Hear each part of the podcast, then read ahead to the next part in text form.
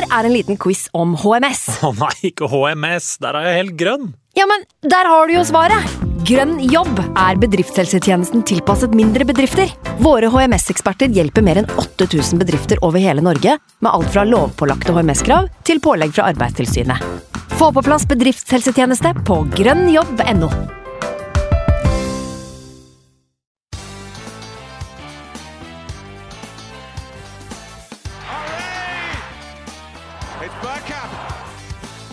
for grabs now! The next station is Arsenal. Velkommen skal du være til en splitter ny episode med Arsenal Station med Magnus Johansen og meg, Simen Goffeng. Sola skinner, Arsenal vinner, og en våryr William viser oss at undrenes tid ikke er forbi ennå. Tre deilige poeng mot eh, Leicester er vel ikke helt eh, feil å ta med seg inn i en eh, ny uke, Magnus? Nei, segerstoget ruller på. Eh, og både Nico og Wills eh, bidrar eh, på en måte som vi kanskje ikke er så vant til å se. Og da, da merker han jo at det er eh, både løvetann og elver og alt. Og fotballspillere som våkner litt når vi nærmer oss eh, 1. mars. Nå er det jo 1. mars i morgen, er ikke det? Det er første vårdagen. og da passer det fint at, eh, at vi våkner til liv nå. Det er jo litt Arsenal òg, å bli bedre når uh, gresset er grønnere og ballen triller fortere. Stemningsfotball. Det er klart da er vi avhengig av at omstendighetene spiller på lag for å, for å dra oss opp i riktig, riktig humør. Men eh, ja, den der eh, referansen din til eh, Nico Vince, den likte jeg. Det er vel berettiget å spørre om er det helt er Hva er det de sier? Am I wrong? Er det ikke det den sangen deres heter? Ja, det er vel tittelen på den mest kjente sangen deres. Ja. Er det det er spørsmålet William har stilt seg nå et halvt år, og Arteta har stadig vekk svart nei da, du er ikke wrong, dette får du til. Og ja, nå er vi hva er det, sju-åtte måneder inn i Williams uh, begredelige Arsenal-karriere, men eh, i dag så skal vi gi ham all mulig honnør, for han var eh, blant våre beste i dag. Kanskje ja, de to du nevner da, som var Arsenal beste spiller, spør du meg. Eh, jeg lander vel kanskje på PP som BB, men eh, med all eh, historikk vi har for å ta for oss det negative William har gjort i Arsenal, tror jeg, så skal vi vel bruke litt av dagens pod som en liten motvekt. da. Vi får, vi får hylle der det er på sin plass i dag. Helt enig. Vi har vel blitt delvis beskyldt for å være litt vel negative med, med William nå, så Og jeg mener jo at det er berettiget. Men vi er ikke blaserte, vi har ikke noen agendaer. Eh, Vi ønsker inderlig at uh, William skal, skal lykkes. Uh, både Nico og Wills, at begge to er, eh, er påskrudd og leverer. Altså, jeg ville være ekstremt deilig hvis William hadde eh, gjort alle ord til skamme nå. og Vi sitter på slutten av sesongen og tenker at yes, vi har to år igjen med, med William. Kanskje til, og med gi en forlenging her av kontrakta. Nei, nå må du roe deg. Men akkurat eh, det første du sier der, det kan jeg jo være veldig enig i. Det hadde jo, ingenting hadde vært bedre. Altså, det, er noe, det er ikke noe snakk om å svelge stolthet og sånt. Altså, man har gitt uh, den fortjente kritikken uh, som har vært på sin plass. Og når prestasjonen er som det var i dag, og jeg syns også vi så at han var ganske livlig egentlig mot Benfica på torsdag. Da tenker jeg jo ja, vi må, vi må sette pris på det. Så må vi jo prøve å besvare spørsmålet. Hva er det som har skjedd? Det kan vi jo komme tilbake til. Det er jo flere lytterspørsmål eh, som lurer fælt på hva er det, hva er det William har eh, fått i seg. Er det kanskje barbecue-sesongen hos Kia som begynner å innsette, og det er det som gjør at eh, energien er på topp? Jeg håper at, uh, at våre representanter ikke har med seg uh, fjærpenn og pergamentrull i så fall. At det ikke blir signert noen avtaler der i, i litt sånn brisen tilstand. uh, over noen uh, feite ostepølser. Jeg tenker at vi får um, vi får uh, holde oss til den ene signeringa på grillfest. Og så får vi satse på at den faktisk viser seg å være litt mer bra. enn terna sen. Vi, vi, Så bra som Arteta håpa på. Det er vel mye som tyder på at Arteta har lagt mange egg i den signeringa her, og har mye tro på det. Så han har jobba svært hardt for å gi William riktig eh, ja, riktig måte å komme inn i dette laget her på. Han har jo kanskje sånn sett i retrospekt fått litt for mange eh, Litt for mye ansvar, rett og slett, fra, fra en eh, tidlig, tidlig start. Altså, han burde vel sånn sett i ettertid kanskje ha blitt fasa litt mer inn fra, fra benken. hvis at man fortjener spilletida si på den måten. Men uh, nå som han på en måte har vært litt mer ute og sånn sett også kanskje merker at uh, det er ikke meg det står på, uh, har gitt han et visst overskudd da, som gjør at han kommer inn og tar litt mer for seg. og Det er jo så enkelt som at kommer du inn på når det er igjen 20-25, da, så, så, møter du motspillere som har tyngre bein. og da ser dine altså Det vi har beskyldt William for å ha pensjonistføtter, omtrent. og Det er ikke til forkleinelse for uh, de pensjonistene som eventuelt skulle høre på, men vi har jo tenkt at han ser ut som han er klar for, uh, for eldrehjem og skraphaug og alt mulig. og det er klart, Da ser jo han også friskere ut når han får uh, møtt ja, slitne motspillere, som sagt. da. Så mm. det er vel mulig at Arteta har, har truffet litt nå etter hvert. Det virker jo litt sånn som altså Hvis vi, ta, hvis vi bare skal ta den William-delen uh, først som sist, da, så, eh, virker det jo litt som et uh, prestisjeprosjekt for Ariteta. Det har jo vært ganske mange ganger hvor han har kasta han innpå i kamper hvor du tenker hvorfor i helvete kaster du på han nå? Og Jeg sa jo det senest på torsdag mot Benfica. Hvorfor i helvete? Og jeg tvitra det og fikk litt motbør. Og jeg burde jo egentlig bare latt være å poste den tweeten, men sånn, sånn er det nå gjerne. I dag så hadde jeg lyst til å poste en tweet òg etter de første fem minutta, men jeg gjorde ikke det, heldigvis. Men det er jo det er jo litt bemerkelsesverdig hvor mye skryt William fikk etter den kampen mot Benfica. Da. Når du ser at, at PP har hatt så, ja. altså, nå spilte jo begge i dag, men PP har jo hatt kamper sammen med Martinelli òg, hvor er liksom, hvor han har vært gode. Da, hvor Arteta er relativt sånn sparsommelig med konfekten da, når det gjelder skryt. I dag, etter eh, kampen mot Benfica så sier Arteta at uh, William endra kampen. Uh, han slo en, mm. en tversoverpasning til Kieran Tierney. Han dro seg forbi en mann og banka han i vinkelen. Jeg syns William var god i den kampen, men å si at, en, at han måte, var ansvarlig for å endre hele kampbildet, det er ganske langt å gå, altså. Ja, det vel eh, eh, Det virker sånn. Altså, vel... Jeg skjønner jo at Arteta vil gjøre det. Det er en spiller som ikke har sjøltillit, en spiller som han ønsker at skal bidra, en spiller Arsenal har investert veldig mye penger i. Men fremdeles så er det noe med det vi har kritisert Arteta for, da. At av og til så er det litt forskjellsbehandling på, på enkeltspillere. Mm. Ja. Eh, så er det jo sånn at William det er, det, er, det er, nok sånn at når William da hadde den prestasjonen mot Benfica på torsdag, så virker det for meg som at jeg tenkte, jeg tenkte yes, nå, nå kjører vi på igjen og gir vi et nytt ja. forsøk. Ja. Ja, det, det, er jo litt som jeg har sagt før. Altså, når det kommer til William, så, så kan ikke Arteta uh, Bare han har en ørliten promilles uh, god mulighet for å uh, måte, kunne putte han inn igjen, da, så gjør han det. Mens med PP så har det føltes motsatt. at Har han bare et ørlite fnugg av tvil, eller har mulighet til å så noe tvil rundt PPs prestasjon, så, så nøler han ikke med å sette han på benk.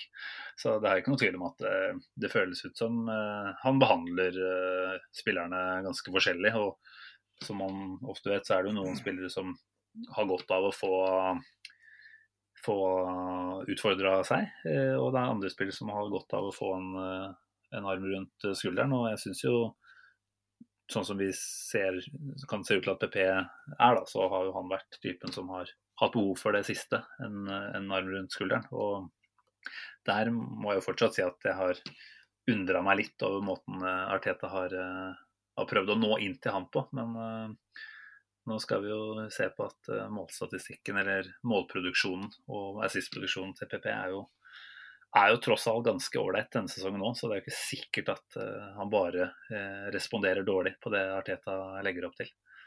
Nei, Men, noen vil jo trives med å bli kasta under bussen, hvis du spør Mourinho i hvert fall. Men um, for å gjøre oss ferdig med, med William, da, før altså Når vi på en måte skal trekke han opp eh, fra under bussen. For vi har jo både sparka og dytta han under bussen eh, hele høsten og hele våren fram til nå. I våren og våren. Eh, hele januar og februar da, fram til nå. Det er ikke sånn at vi nå sitter og sier at nei, vi tok feil. William han er bra signering. Bare for at han har vært god i én kamp på et kvarter nå. Men jeg har sett litt på tallene da, fra i dag. Mm. Sammenligna med hva han har prestert i Premier League for Arsenal frem til nå. For det har jo vært det, såpass er det, det har vært søppel. Det har vært eh, lavmål, eh, stort sett. da. Og um, ut ifra hva, hva, slags fotballspiller vi faktisk snakker om her. Han eh, hadde jo i dag eh, tre nøkkelpasninger eh, faktisk. Veldig, veldig, det er et veldig bra tall. Det er sånn klassisk eh, Øzil-nivå. Tre-fire nøkkelpasninger. Han snitta på 1,2 nøkkelpasninger per kamp, eller per 90 da, før, nå, før i dag. Han hadde to vellykka driblinger i dag. Han har jo ikke engang prøvd å drible i de kampene vi har sett tidligere denne sesongen. her. Eh, snittet på 0,6 eh, dribleforsøk per kamp. I dag hadde han eh, vel fire forsøk og to eh, vellykka. Han hadde langt, langt mer risiko i spillet sitt i dag, syns jeg, enn vi er vant til å se. Eh, Mm. Han treffer på 94% av pasninga. Snittet på 87 eh, i Premier League-sammenheng så langt. Og sånn vi har sett William, som spiller stort sett uh, har tatt bare trygge valg nesten hele sesongen, så er det oppsiktsvekkende eh, tall. Det er en én kamp, men vi så det jo mot Benfica. At det, er en litt annen sprut, en litt annen gnist. Um, Yes. Hva som er årsaken til det, uh, det, er, det er jo For det er ikke noen grunn til at Villa skulle komme inn mot Aston Villa for to uker to-tre uker siden og være så Stinke så enormt som han gjorde i den kampen. Det er ikke noe grunn til det. Og det er ikke noe Også for de som eventuelt måtte reagere på vår kritikk av William, da, så er det ingenting heller som tilsa at han plutselig nå skulle snu det. Mm. Eh, Ut ifra hva vi har sett. Eh, Så hva som Jeg vet ikke om du eh, har noe svar på det, Simen? Kan du Nei. tenke deg hvorfor William plutselig nå ser så mye bedre ut, altså i, i 105 minutter, eller hva det er? Altså, Man prøver å tenke tilbake til eh, preseason. Han hadde en god preseason, hadde han ikke det? Han var med hele veien. Så han har ikke noen unnskyldning sånn sett, har han det? I forhold til det å ikke hatt det fysiske på plass. Eh, nå stiller jeg på en måte et spørsmål tilbake igjen, så du får bare svare Nei, hvis, du, hvis du kan huske det. Men, men så vidt jeg kan huske, så har han ikke den unnskyldninga å komme med. Eh, altså, han er jo vært en stabil toppspiller vel for Chelsea nå i seks-syv sesonger før han kom. da. Og det at han plutselig skulle ha blitt en dårligere spiller over, eh, over natta, bare han flytta litt lenger nord i London, det, det henger jo ikke på greip. Så lurer man på kan det ha noe med altså, hva slags rolle, hva slags forventningspress hadde han på seg i Chelsea? Han var jo omgitt av eh, stjerner, eh, det er han for så vidt i Arsenal òg, men måten han på en måte ble vel, ønska velkommen inn i klubben på, da, var jo veldig sånn Nå kommer det inn en leder, en som har mentaliteten man ser etter. Så setter Arteta han på fra start i kamp etter kamp etter kamp. Da er det ganske åpenbart at forventningene du opplever eh, at du opplever at det er ganske høyt til deg. da. Um, og så, så har han jo nå rett og slett fått seg eh, kanskje litt tid til å tenke, da. Eh, litt tid til å se at det er ikke, det er ikke nødvendigvis bare han som skal inn og eh, sørge for at Arsenal eh, henter resultater. Og så kanskje han rett og slett har fått litt lavere skuldre. Eh, det er ikke det samme eh, Jeg vet ikke om man skal si at han så så oppjaga ut før, for det så rett og slett ut som han dassa rundt mye av tida. Men det er mer bevegelse der nå. Det er altså den energien da, som vi stadig kommer tilbake til. Altså Fotballspillere er jo fysisk ganske solide folk alle sammen. Eh, så du kan ikke på en måte få meg til å tro at de ikke klarer å løpe. Da. Men jeg syns vi ser en ganske stor endring i både intensiteten eh, William løper med, og eh, at han rett og slett løper mer. Da. Han var jo i dag syns jeg i hvert fall mer truende i det presspillet når han var oppe og, ja, og helt oppe på keeper, faktisk, da, for å prøve å, å jage ned ball. Mm. Så det blir jo å spekulere, da. Eh, Og du vil jo på en måte tenke at en 32-33 år gammel proven eh, Premier League-spiller ikke måtte bli stressa opp av å få et kanskje enda litt eh, økt forventningspress på skuldra sine. Men det, er, det kan jo være en forklaring. At han rett og slett opplever at nå, nå er det andre som på en måte tar støyten, og han kan komme inn og være en altså et tilleggselement. da. Det er ikke han som er en main man. Eh, vi vet ikke, jeg vet ikke, Kanskje han så på seg på den måten her. jeg vet ikke. Men jeg kan godt hende, det, altså. Eh, at, at det ligger ligger noe der. Um, det er klart, eh, selv om han har mange år i, i Premier League bak seg, så, så går han jo tross alt til en ny klubb, klubb med nye Mm. lagkamerater eh, og en helt annen standing i engelsk fotball nå enn han hadde når han kom inn i, i Chelsea. Så det, det er jo nesten sånn han håper at, eh, at det er svaret, da. Eh, at det bare handler om at han trengte liksom å eh, bli komfortabel med å være den, den spilleren han tross alt er, eh, inn i et nytt, en ny klubb. Men eh, Ja. ja, det er så mye. altså Fotballspillere på det nivået er jo jevnt over ekstremt habile. altså Ballspillere, teknikk altså Alt det der er på plass. da. Altså, og det jeg tror det er aller mest variasjonen rundt, det er det mentale. da. Eh, og har du en eller annen eh, faktor som spiller inn som gjør at du blir ikke 100 eh, på plass, da, og kanskje ikke er, har det riktige utgangspunktet mentalt, så, så, tror jeg det kan påvirke mer enn vi, vi tror. Altså, vi vet jo hvordan Aubameyang har hatt det nå med en syk mor. altså Åpenbart så har ikke hodet hans vært på fotballbanen da, og da må man også på en måte kunne forstå at det, det preger rett og slett de sportslige prestasjonene. Mm. Så nei, jeg tror altså Det er jo en klisjé at uh, spillere som ikke presterer og som opplever at de kanskje har klippekort, de må benkes. Uh, men det er jo ikke, altså vi tenker alltid at de må benkes fordi de må få et signal om at dette er ikke godt nok. Men det kan jo godt hende at spilleren egentlig vet jævlig godt selv at dette er ikke godt nok. Men allikevel så fortsetter han å få uh, tilliten, og så bare stiger det der stressmomentet fordi du vet at det er jeg som skal prestere. da. Det, er meg treneren setter sin lit til. Uh, og så blir det bare en sånn veldig forknytt greie, rett og slett. Mens uh, altså nå, nå, har han sittet på benk i en ikke en lang periode, for han har jo stadig vekk vært innom banen. Men man har sett at en Saka, en PP, en uh, Smith Roe, Aubameyang produserer mer, Lacassette skårer jevnt og trutt. Eh, ser at ok, det er ganske mange andre strenger å spille på her. Jeg kan komme inn og være en, ja, et positivt tillegg, da, mer enn hovedaktøren her.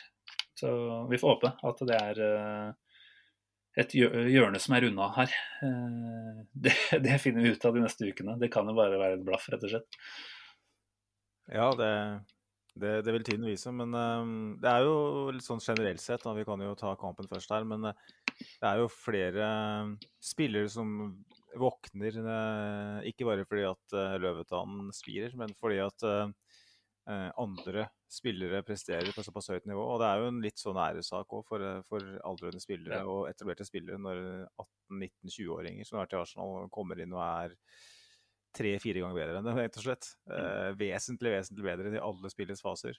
Um, og PP òg uh, eh, har du jo sett uh, en annen utgave av nå etter jul. Um, Iallfall uh, altså, Han har jo blitt brukt litt ute på, på venstresida, og vi har forklart det med at der uh, er det ikke så lett å lese. Uh, for det, på høyresida så har han vært så forutsigbar, sånn, men i dag så spiller han jo på, på høyresida og har mm. eh, en, kanskje sin beste kamp for sesongen. Ja da, han var livlig, han. Han spiller jo mot en ganske I hvert fall mest av første gangen så spiller han jo mot en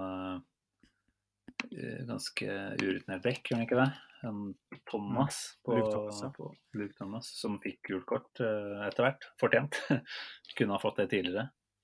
Så er det klart, hvor mye skal du legge på PP, eh, eller hvor mye skal du legge på en ganske svak motspiller? Og rett og slett at Leicester også tillot at man isolerte de to opp mot hverandre flere ganger i kampen. Mm. Jeg skal ikke ta noe vekk fra BP, men jeg vil si at han hadde ålreite arbeidsforhold i dag. Det hadde han, men uh, han uh, Altså, Leicester justerte jo i pausa. Uh, ja, de tok ja, det var ja. Det var omskolert, uh, mm. håper jeg å si. En, ikke omskolert, da, men en, en Ricardo Pereira som egentlig er høyreback, måtte ut på på venstrebeken. Eh, noe han vel eh, er kjent for å mestre ganske godt. Men allikevel så eh, hadde han ganske store problemer mot PP der. Jeg syns Arsenal gjorde veldig mye smart i oppbyggingsfasen. når vi hadde overganger. Vi spilte gjerne ballen inn i venstrekanalen, som vi gjerne gjør med Granit Xhaka som ballsentral på midten. Og så vridde vi ganske kjapt over til høyre. Lacassette var veldig dyktig i den fasen, syns jeg. Eh, et par ganger hvor han tar imot ball feilvendt, vender opp og slår en presis pasning ut til PP. Og da er jo Leicester såpass eh, høyrevridd i sitt forsvarsspill at eh, PP vil få større rom å løpe inn i. Så jeg syns det var Jeg antar at det var eh, taktisk planlagt fra Arsenals side. Og det mm. funka jævlig bra, og det fortsatte å mm. funke utover andre omgang òg. Og det handler jo litt om at Leicester da var bak og måtte jage. Eh, og det er jo noe vi altså Når, når Leicester skårer først, så tenker vi jo at eh, vi møter det laget Premier League som vel har gitt, gitt, bort færrest poeng etter å ha tatt ledelsen. Eh, mot, oh ja. mot Arsenal, som ja, kun sjelden kommer tilbake. kun snudd én kamp i hele år i Leicester som trives eh, med å ligge bak og kontre. Mm, og Arsenal som virkelig ikke trives med å, å jage. Eh, så det var jo Det er en grunn til at jeg skrudde av TV-en i to minutter etter det målet kom. Jeg tenkte det her gidder jeg ikke, egentlig. Jeg orker ikke det her en gang til. For det, nå har vi nå har vi faktisk i fire av de siste sju kampene nå i Premier League så har vi sluppet inn eh, før det er spilt seks minutter. Mm. Det går ikke. Nei, Vi det er en kalte- Vi kalte den forrige episoden vår for uh, slumreknappen. Eh, nå hadde jeg egentlig tenkt å kalle den slumreknappen 2, eh, denne episoden her. eh, hvis vi ikke hadde snudd det. Kreative der. ja, men det, det er jo litt samme, ikke sant. Du er ikke vi, vi, Så jeg vet ikke om eh, Nå, nå, nå sporer vi litt fram og tilbake her, Simen. Men eh, du, det er du som er ordfører og, og sjef her. Men Ja, Nå får du ta litt ansvar selv her òg. ja, jeg, jeg bare tenker, eh, om vi bare skal ta det her, da. Det der med innganger til kamper, da. Altså, Mm. som, jeg, som jeg nevnte av den statistikken her, som er ganske grufull. Arsenal er ikke påskrudd fra start. Og målet vi, eh, hvis vi skal ta kampen i dag, så målet vi slipper inn i dag, det er jo går litt på det samme som mot Manchester City. At vi er passive og ikke helt påskrudd. Eh, en eh, Pablo Maris som vel fremdeles han driver og rygger Jeg vet ikke hvor langt han kom inn nå, men han har plassert Birmingham eller hva det er. Men han, han rygga og rygga og rygga etter at det ble, at det ble feil på midten der. og Det, det, er så passivt at det var litt sånn eh, som vi så mot, mot Mares mot Manchester Mm. City for en uke siden. Og det er sånn, sånn Når du kommer bak da mot uh, lag som presumptivt faktisk er bedre enn deg Leicester ligger på andreplass. Det er en grunn til det. De har vært mye mye bedre enn oss hele sesongen. Uh, så er det veldig veldig vanskelig å slå tilbake. Mm. Og når du tenker på de, de motstandere vi har hatt da, uh, den siste uka nå, med unntak av Benfica, så, så møter vi to lag som er topp to i Premier League, som er en sånn type motstander. Du, tenker, du, du kan ikke slippe inn først. I så fall så må du gjøre det jævlig vanskelig for dem å få et Mm. tidlig mål. Stay in the game. ikke sant? Vær eh, kynisk sånn sett. Eh, ikke gi dem de roma, ikke gi dem den tida. Eh, og så slipper vi inn etter ett og et halvt minutt mot City og etter eh, fem og et halvt mot Leicester. Nei, Det det, er, det er ikke godt nok.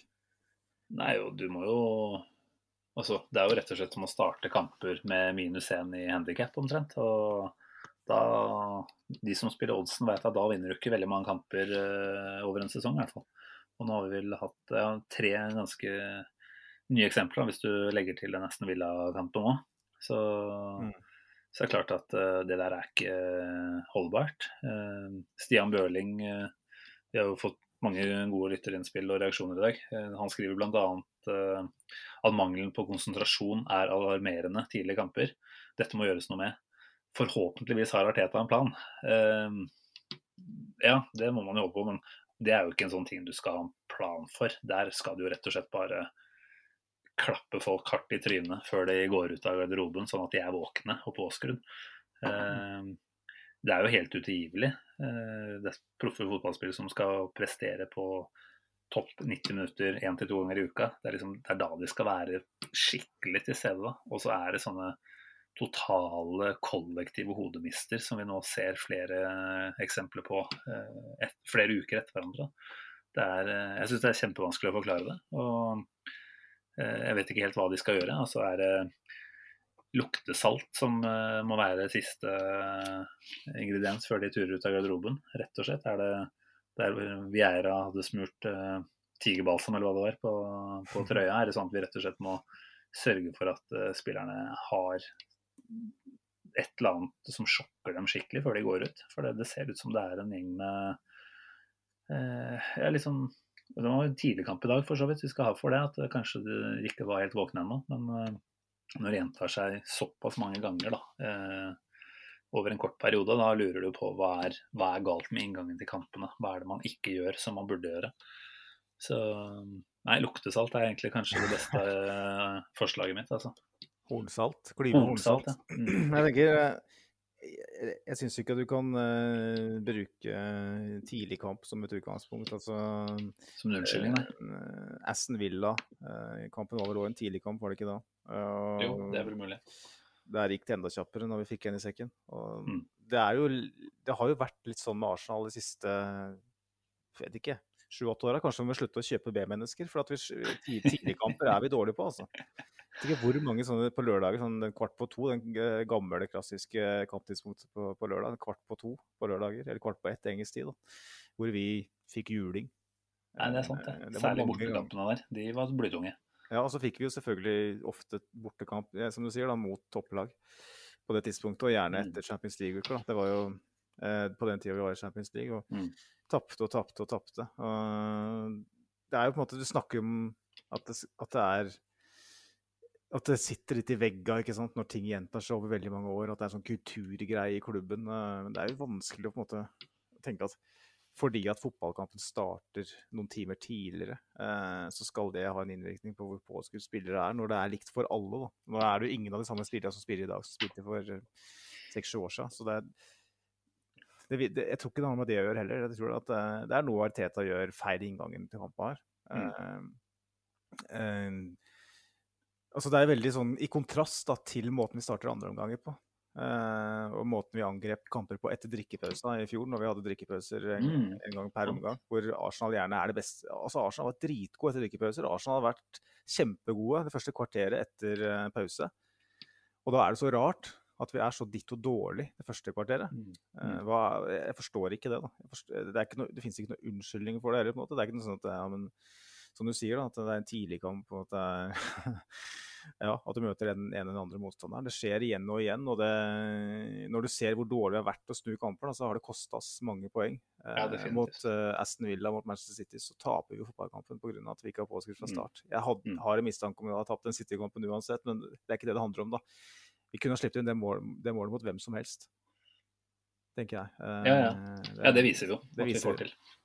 eh, og du var inne på Paul Marie, eh, som må ta en del av skylda. Jeg syns også at El Neni, da, som Altså, det El Neni gir oss på fotballbanen, tenker jeg først og fremst er å være et cover foran forsvarsfireren.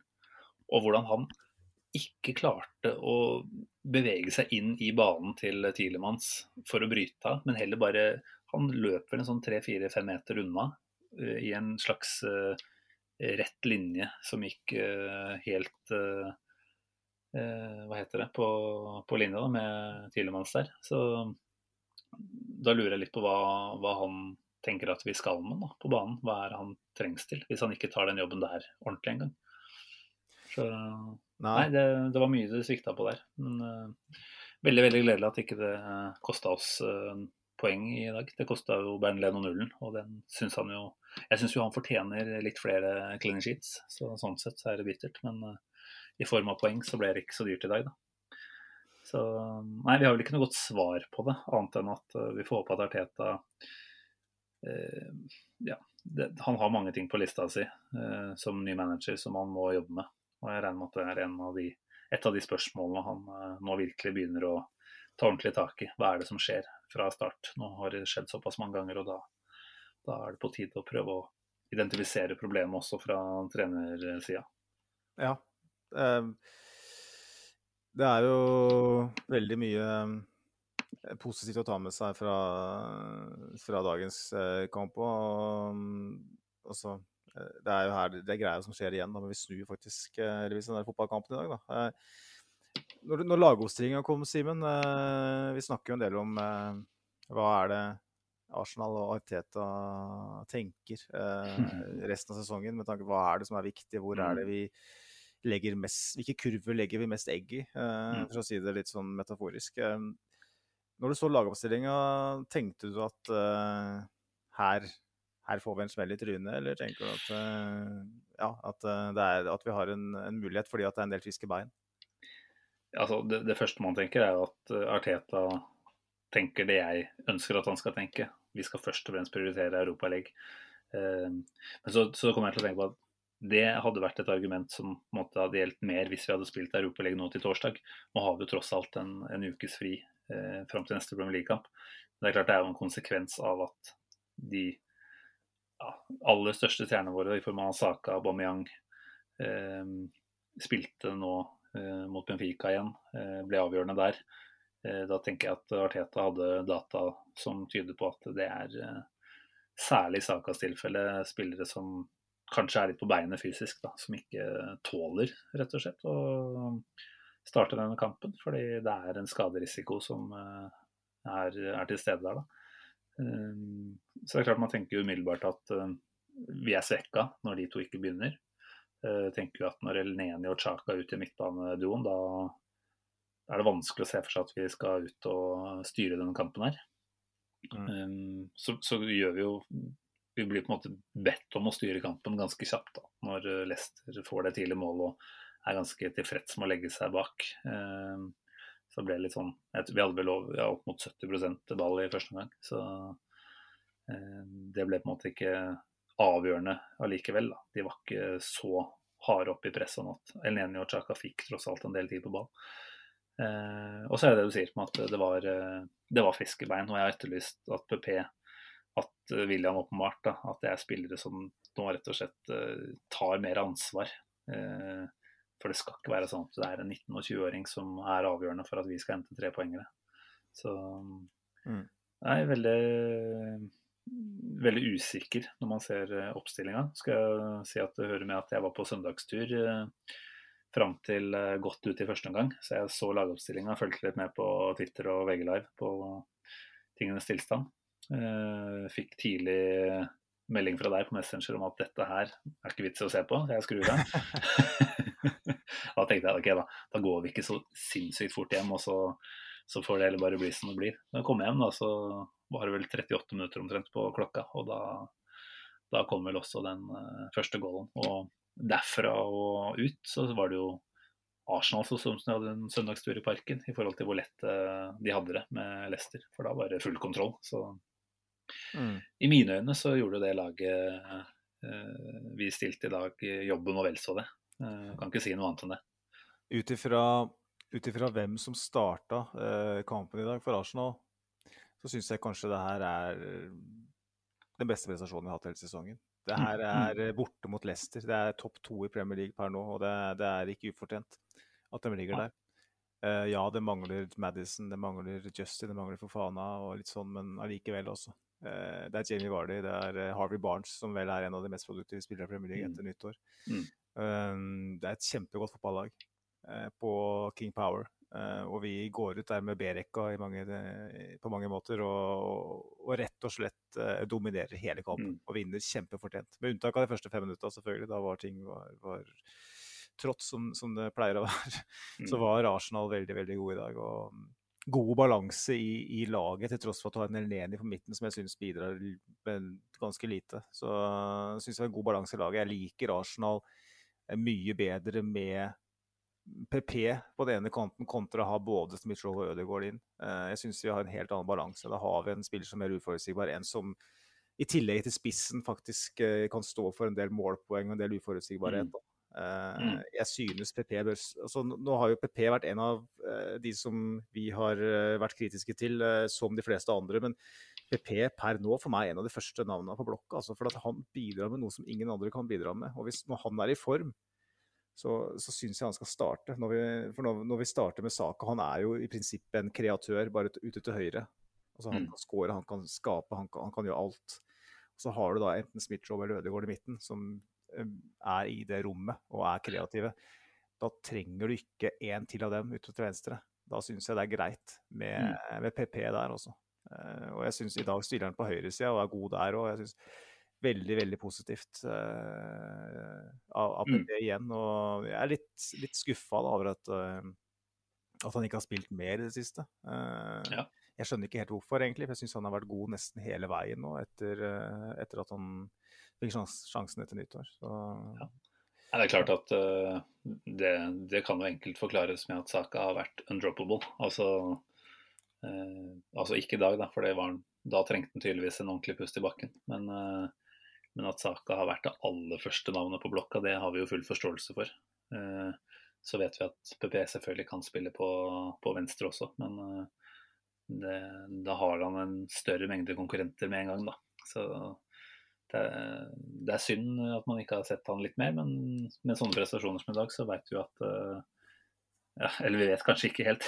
Det er vel godt mulig at uh, borte mot Burnley neste uke, så, så er PP og ser på benk. Men, uh, men det er klart han, han, gjør seg jo en stor tjeneste da, med å prestere nå både på venstre og høyre eh, om hverandre. Da veit Arteta at han, han, er til å stole på eh, i større og større grad framover.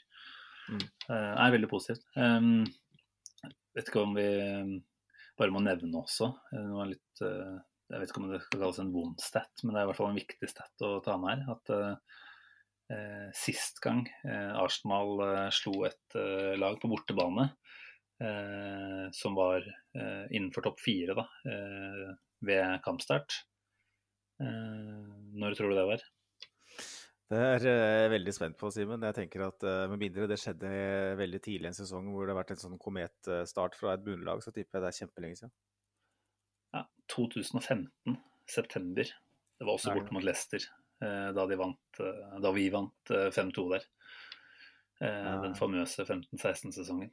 Men altså da fem og et halvt år da, siden vi vant borte mot et på da, dagens dato topp fire. Det er jo en tung stett.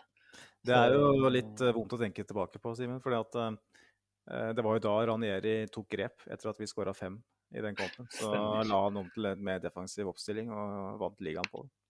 så kanskje burde vi ha vært litt mer sparsommelig i den kampen. Vinne 3-2 i stedet. Så hadde Tottenham vunnet ligaen, da ville sikkert mange sagt. Men det var faktisk vi som ble nummer to, da. Så, ja. Nei, uff, vi la, la, oss ikke uh, henge fest på det der, da. Men um, i forhold til uh, prestasjoner i dag, PP har vi snakka om, William har vi snakka om. Uh, andre som imponerte i dag, eller? Ja, det var egentlig bra over hele, over hele Gjør. Jeg syns jo at, at El Neni var ganske anonym, sammen med Kieran Tierney, mm. som jeg syns normalt sett er god. Men jeg, jeg, må, jeg, har lyst til å ta i litt honnør til Lacassette, som ja. har vært vraka Eh, litt rett og slett siste tida. Etter at han hadde en veldig viktig og god rolle i, i den revivalen som vi så eh, fra og med Chelsea kom på noe utover, så, så var Lacassette en veldig veldig viktig brikke. Eh, og ikke bare bidro med målpoeng, men òg med å, å, å være veldig funksjonell i, i måten vi ønska å spille på. Var involvert i veldig mange uh, gode angrep. Uh, han er jo god feilvendt, og i dag igjen. Uh, mm så syns jeg han er god. Han, eh, som jeg sa for noen minutter siden, så eh, I de spillvendinga vi har fra venstre til høyre, så, så er han kjempegod.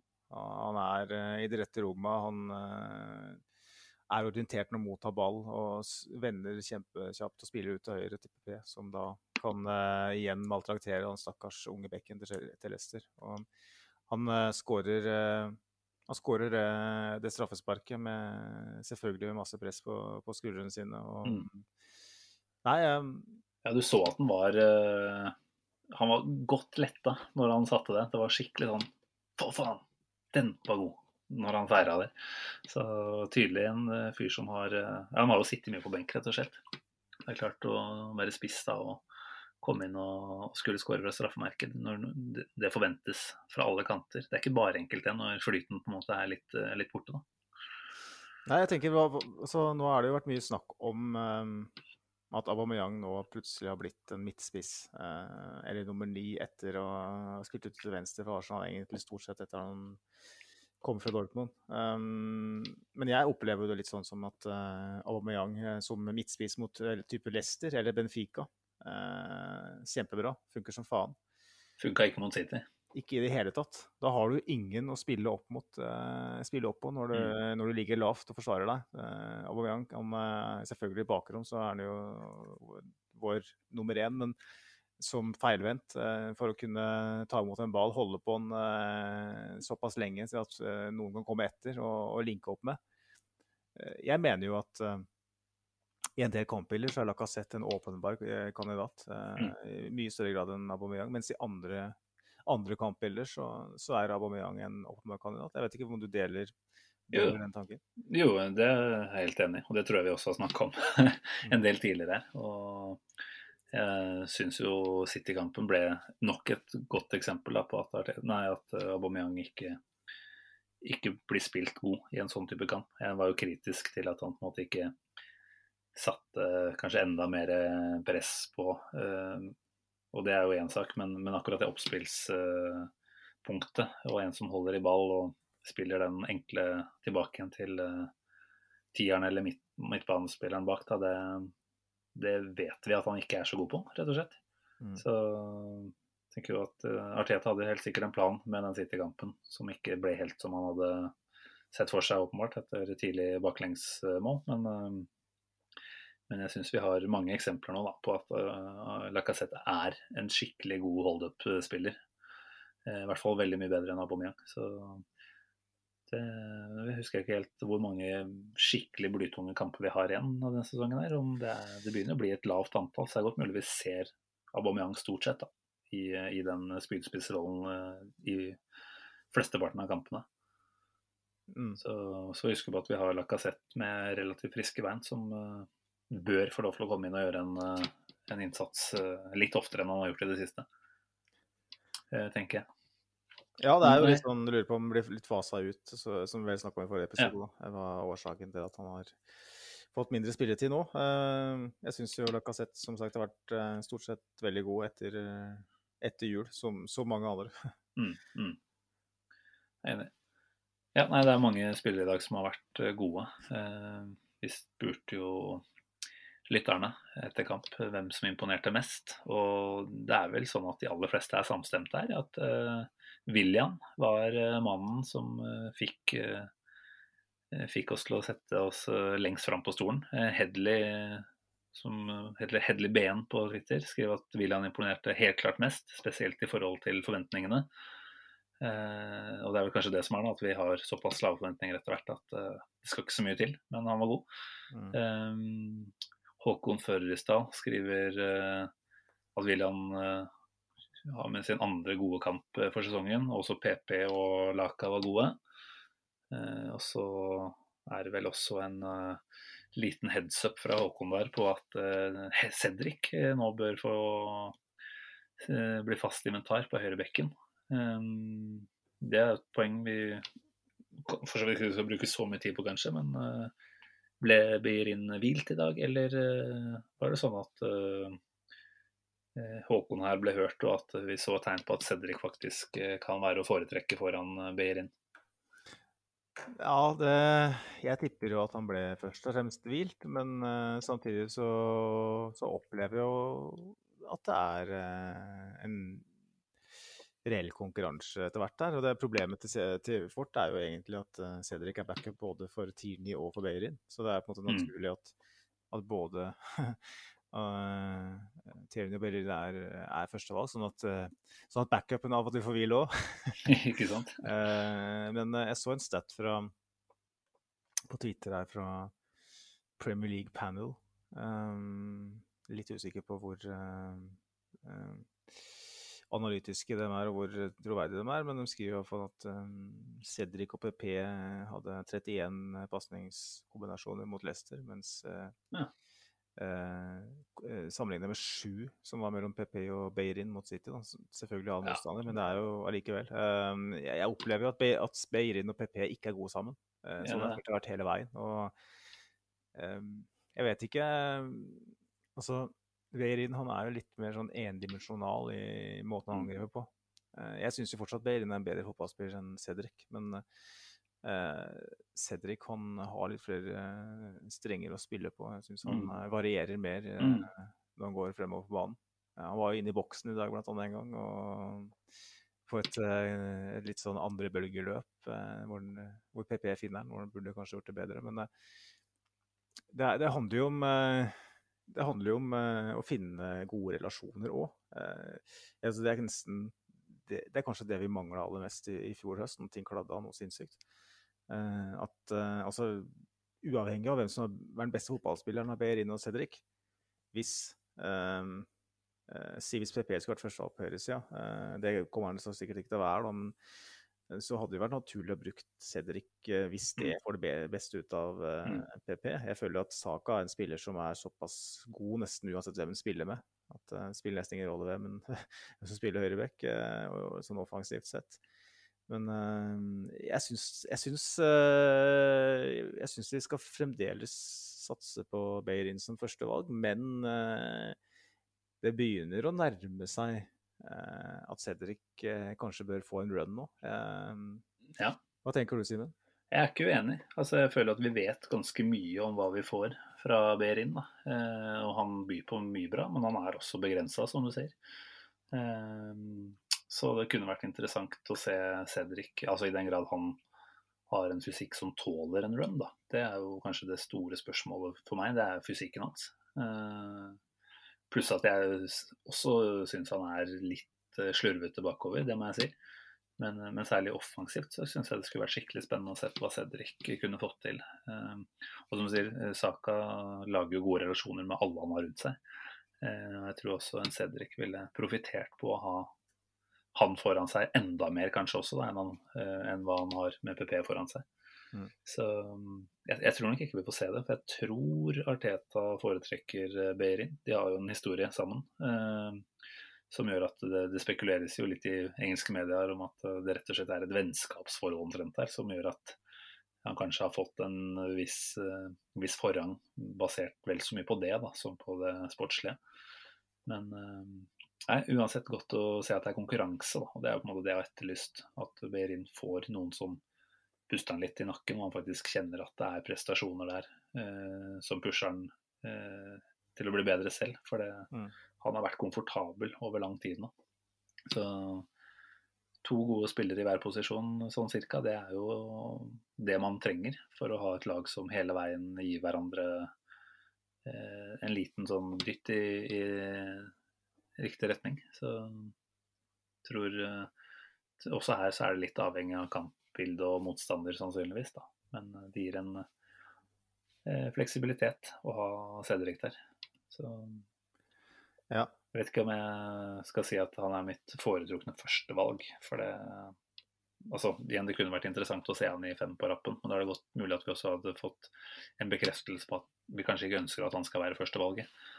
Men eh, nei, han er eh, Vi har ofte tenkt at han er avdanka og over middagshøyden, men han er vel Er han ikke bare 28 eller noe? 29?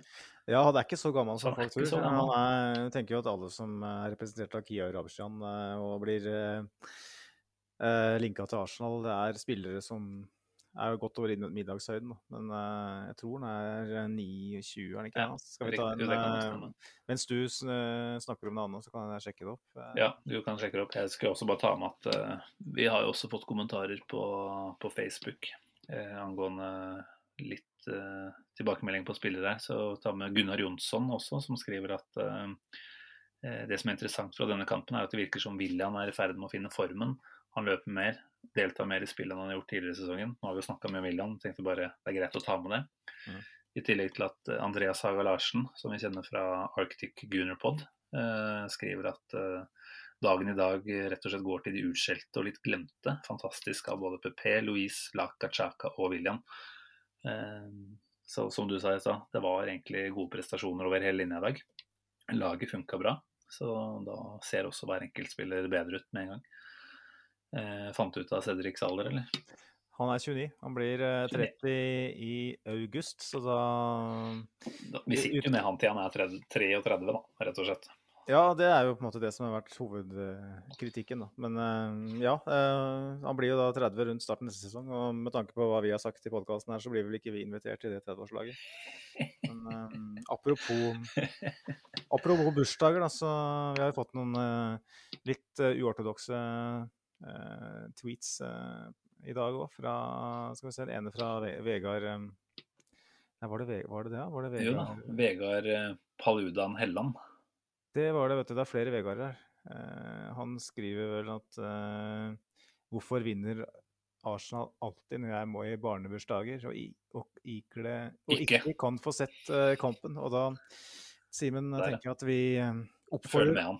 Oppfordrer alle eh, som hører på podkasten til å invitere Vegard i barnebursdagen til sine respektive barn. fordi hvis det er eh, Vi er overtroiske, er vi ikke det? Så da, da håper jeg at han kan eh, Hold Vegard unna TV-skjermen. Sørg for at Vegard må blåse ballonger og spise gelé. Da er verden et bedre sted for oss Arsenal-fans. Det er veldig bra. Når vi først er inne på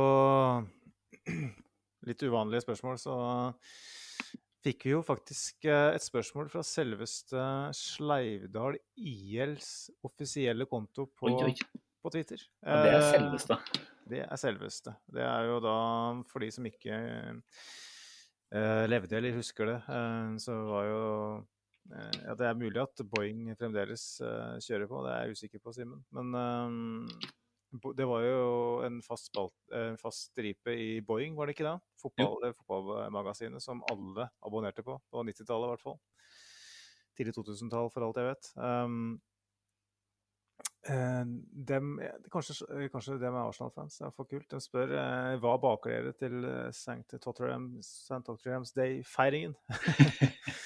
Og da, Simen, eh, Liten, deilig eh, prematur feiring her, eller? Det, jeg er redd for å jinxe her nå, det må jeg bare si. Altså, du nevnte i stad at vi er litt overtroiske her. Uh, vil absolutt ikke ta en sånn på forskudd. Uh, jeg tror vel til Sleivdals skal vi si, forsvar at dette svaret eller kommentaren kom inn før Tottenham spilte mot Burnley. De vant jo 4-0 der. Så enn så lenge så er vi vel uh, hver dag tre-fire poeng bak. Eh, nei, vi er to poeng bak med én kamp mer spilt. Så, men det er klart vi har en formutvikling som gjør at vi kan tillate oss å være optimistiske med tanke på å komme foran Tottenham. Og hvis det blir eh, St. Tottenhams Day i år, da, da skal det ikke bare bakes. Altså, da skal det lages eh, hønsefrikassé, det skal være innbakt eh, høne det skal, Alt av høne skal, skal etes eh, hele uka etterpå, tror jeg. Ble det mye altså- høne her. Ja, det kokk er det ikke nei, Det skal ikke bli mye kokk, men eh, det er vel en kokk som, eh, som pryder logoen til eh, Tottenham, er det ikke det? Jo, ja, Hane, da.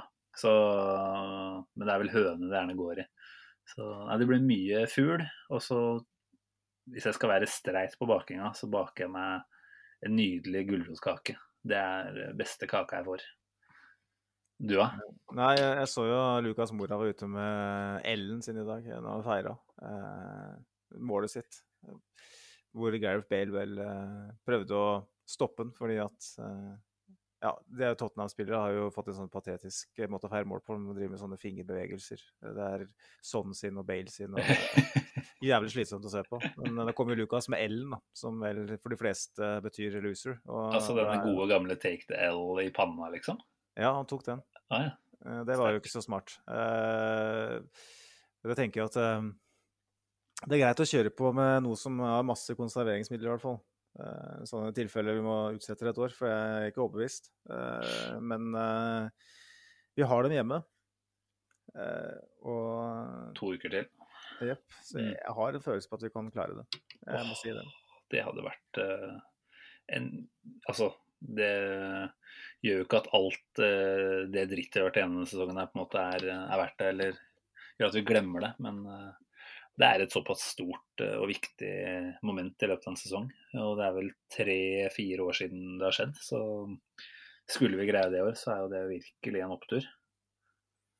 Ja, det er det. Er det. Eh, Um, vi, um, vi kan jo snakke litt om det, Simen. Uh, altså hva vi kan forvente resten av den sesongen her. Vi, vi satt jo i forkant av sending her uh, og sjekka litt formutvikling eh, Mm. i Premier League.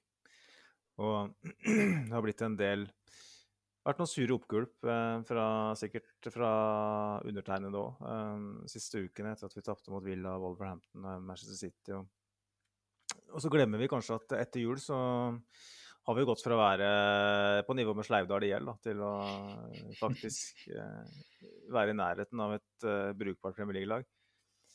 Og etter Chelsea-kampen så har det blitt spilt tolv seriekamper. da. Nå er det noen som uh, har litt færre. Aston Villa, Liverpool uh, ja, Liverpool spiller jo akkurat nå, da, men uh, ta utgangspunkt i at ingen av dem vil uansett nærma seg oss. Eh, på tolv kamper, så de tolv siste kampene så har Arsenal sju seire, to uavgjort, tre tap. Mm. Eh, som er det tredje beste i ligaen. Eh, Ja, det er såpass, ja. City er selvfølgelig eh, troende på topp her. City har jo tolv seire, så det, de er jo helt alene på topp eh, der òg. Eh, men så er det kun Westham. Eh, som er foran oss av, de, av røkla. Det er jo 19 i røkla her. Og, um, det vil si at vi er jo nest best i røkla siden jul.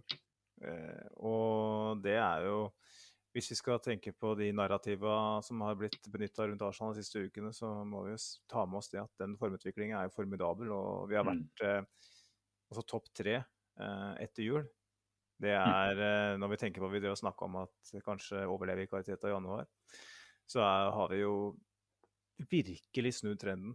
Ja, det Virkelig si. eh, vært gode, spilt bra, hatt gode resultater nå i to Ja, over to måneder, da. Mm. Eh, og fortsetter den formutviklinga, Simen, så kan jo du svare på hvor tror du det her ender. oh, jeg som egentlig har sagt at eh, tabellen den skal vi ikke se på eh, egentlig før det er helt på tampen av sesongen, om det da hadde vært noe å spille for. Um, det er et godt spørsmål, altså. Um, nå er vi jo nede på tiendeplass totalt sett. For det er klart, uh, enten vi vil eller ikke, så må vi jo ta med de 14 kampene som eh, ble spilt før Chelsea òg. Det er jo en tidsregning omtrent. Det er før og etter Chelsea-kampen. Um, Problemet er jo at vi har mange lag foran oss. Altså, selv om det er relativt relativt uh, tett i poengfangst, så, så er det såpass mange lag at er, vi er jo avhengig av at det er flere da, som, eh, som virkelig får en break, uh, breakdown. Mm. Um, så prøver man å se da, hvem er det man tror mest at det kan skje. Uh, Westham ser jo relativt solide ut, må si det. Tapte jo bare 2-1 mot City nå, de òg. Um, men historisk sett så er jo det et lag du kanskje forventer at vil ramle litt av. Leicester har jo fortsatt eh, en relativt komfortabel poengsum. De ligger på tredjeplass med 49. Vi er på 37. Eh, Det skal jo et ganske heftig mageplask til fra Leicesters side for at, de, eh, at vi skal kunne ja, nærme oss de, egentlig. da. Eh, Men de har jo etter hvert fått et lite rykte på seg, de òg, for å kollapse litt. De kollapsa til de grader i forrige sesong. Mm. Har en ganske smal tropp. Du ser jo uten James Madison i dag hvor skadelidende de blir av det. Så sånne ting vil jo spille mye inn her. Um, Everton, et par kamper til gode. Eh, jeg vil jo si at det er et lag vi burde kunne håpe på å passere, men eh, klarer liksom ikke helt å si, si med sikkerhet at vi skal klare å hente inn eh, det forspranget der. I hvert fall hvis de vinner et par av de de har til gode, da. Mm. Aston Villa tror jeg vi kan gå forbi, eh, faktisk. Og som du sa i stad, Tottenham tror jeg vi kan gå forbi. Um, hvis jeg skal sette tabelltips eh, nå med tolv serierunder igjen, så tror jeg vi passerer Villa, Tottenham Liverpool er vanskelig, for det, der går jo til de grader eh, i nedoverbakken nå. Eh, Den formtabellen som du sikta til, siste tolv matchene, der er vi Liverpool nede på en 17.-plass, var det ikke det du sa i stad? Jo. Eh, Så det er klart, eh, får de til å snu det her, eh, egentlig? Det er jo, et, det er jo skadeproblemer som tar knekken på de, og de er jo langtids lang- langvarige, alle sammen. Så jeg har ikke på en måte troa egentlig på at Liverpool er noe vi passerer, men man begynner jo å håpe litt, da. Mm. Chelsea har sett mye bedre ut etter managerbyttet, som vi frykta. Vi hadde jo et håp om at de skulle sitte med Lampard sesongen ut. Uff, jeg tipper at Arsenal igjen, jeg tror vi kommer til å prioritere Europaligaen. Uh, nå har jeg ikke helt i hodet hvordan det ser ut. Nå har vi vel Tottenham etter en europaligarunde. Det betyr at de også ah, Det er mange ting å ta De har jo selvfølgelig fått det dårligste laget i Tottenham, for de kan jo spare spillere. Men Ja, ikke sant. Eh, men ofte så sparer man ikke spillere i første runde der, uansett. Du spiller jo nesten tilnærmet beste for å få et godt resultat. Jeg tipper, bare for å legge hodet på blokka, at Arsenal havner Uff. Nei, jeg, jeg tror ikke vi kommer høyere enn sjuendeplass. Det tror jeg ikke. det er optimistisk allikevel, det. Ja, ja, det er jo det. Um, med tanke på at vi at vi snakka om nedrykk for et par måneder siden. Er det bra? Jeg tenker at eh, jeg er enig i mye av det du sier. Eh, Fordelen vår er at vi har nesten alle de lagene foran oss på tabellen eh, på hjemmebane. Vi har Chelsea hjemme, vi har Liverpool hjemme, vi har Everton hjemme, vi har Tottenham Mm. hjemme. Vinner vi de kampene, så er det tre poeng eh, i forhold til dem. Um, klart hjemme, Hjemmebane per nå det er jo en helt annen enn det var før. Da. Vi har jo vært begredelige hjemme egentlig denne sesongen. Mm. her, og det er vel sånn for alle, egentlig, at hjemmebanefordelen er litt utviska. Se bare på Liverpool, som uh, går uh, et halvt århundre på og si, mm. taper fotballkamp hjemme, og så taper de tre på rad. Uh, men ja, jeg tror vi passerer Aston Villa. Jeg syns den virker litt kjørt nå. Matty Cash er ute, Jack Willish ute. sliter litt nå. Endelig. De har jo hatt grisetur på skadefronten. Mm. Uh, og så hadde det vært uh, veldig vondt hvis uh, Evin Martinez hadde havna foran oss på tabellen. ikke fordi jeg ikke liker han, men fordi at det blir et narrativ. Tottenham tror jeg vi passerer. Jeg, med unntak av de veldig enkle kompa, så ser de dritdårlige ut. Everton er jeg veldig usikker på. De har to kamper mindre spilt, som du sa, og ligger allerede tre poeng foran. men jeg syns det må variere. De er litt sånn virri-virri-vapp. Jeg vet ikke helt hva du får. Um, Liverpool uh, heller vel mot at vi ikke passerer. Sjøl om de ser fryktelig ut, så det er noe med law of averages, som de sier. At uh, på et eller annet tidspunkt så kommer de til å finne en eller annen formel som funker. Ja, skal ta med der at de vant uh, eh, 2-0 borte mot Sheffield United nå i kveld. Uh. de er friskmeldt. Så jeg er enig, jeg er med deg på sjuendeplass, jeg altså. Ja. Ja, jeg har eh, Westham kan vi fort passere, men jeg, det kan jo hende at vi havner bak enten Everton eller Tottenham. Men du husker hva sjuendeplass i Premier League betyr? Det betyr ah. Hva faen heter det igjen? Conference League. Ja, det... Så da håper jeg jo inn i helsike på en europaligaseier, så vi slipper å være med på det tullballet der. Det er en skammelig affære hvis vi havner der, men oh. Hvis vi bare skal spå ut ifra uh, gjenstående kampprogram og de laga rundt oss, så ja, jeg tipper, uh, tipper sjuende, jeg ja, òg. Og det vil være en helt grei plassering. Uh, vi, snak, vi, har jo snakka en del om det der med forventninger og Nå har det jo vært noen kritiske røster rundt Ariteta igjen den siste tida. Spesielt i forbindelse med de tre tapene vi hadde på de siste fire ligakampene. Eh, hvis Arteta taper mot Benfica, så har vel han Team Stillman, som er en veldig sånn fornuftig og nøktern stemme i Arsenal-twitteratet. Da da kanskje Arteta bør pakke sakene sine. Uh, for da har det da har han rykket to ganger mot svak motstand i første utslagsrunde i Europaligaen. Og ligger dritdårlig an, drit an i Premier League.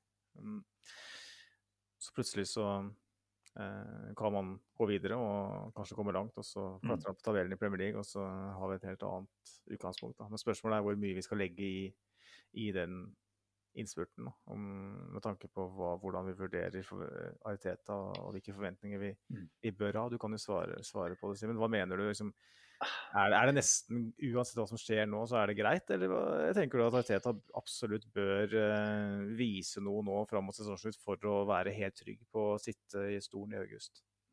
Altså Det er vanskelig å måte, være ordentlig optimistisk inn mot neste sesong hvis vi nå, mot formodning vel å merke, jeg tror vi kommer til å holde et visst uh, solid nivå framover nå. Men hvis vi skulle svikte skikkelig igjen da, og gå på en sånn lang run som vi hadde på høsten, med hva var det vi hadde, åtte-ni kamper uten seier.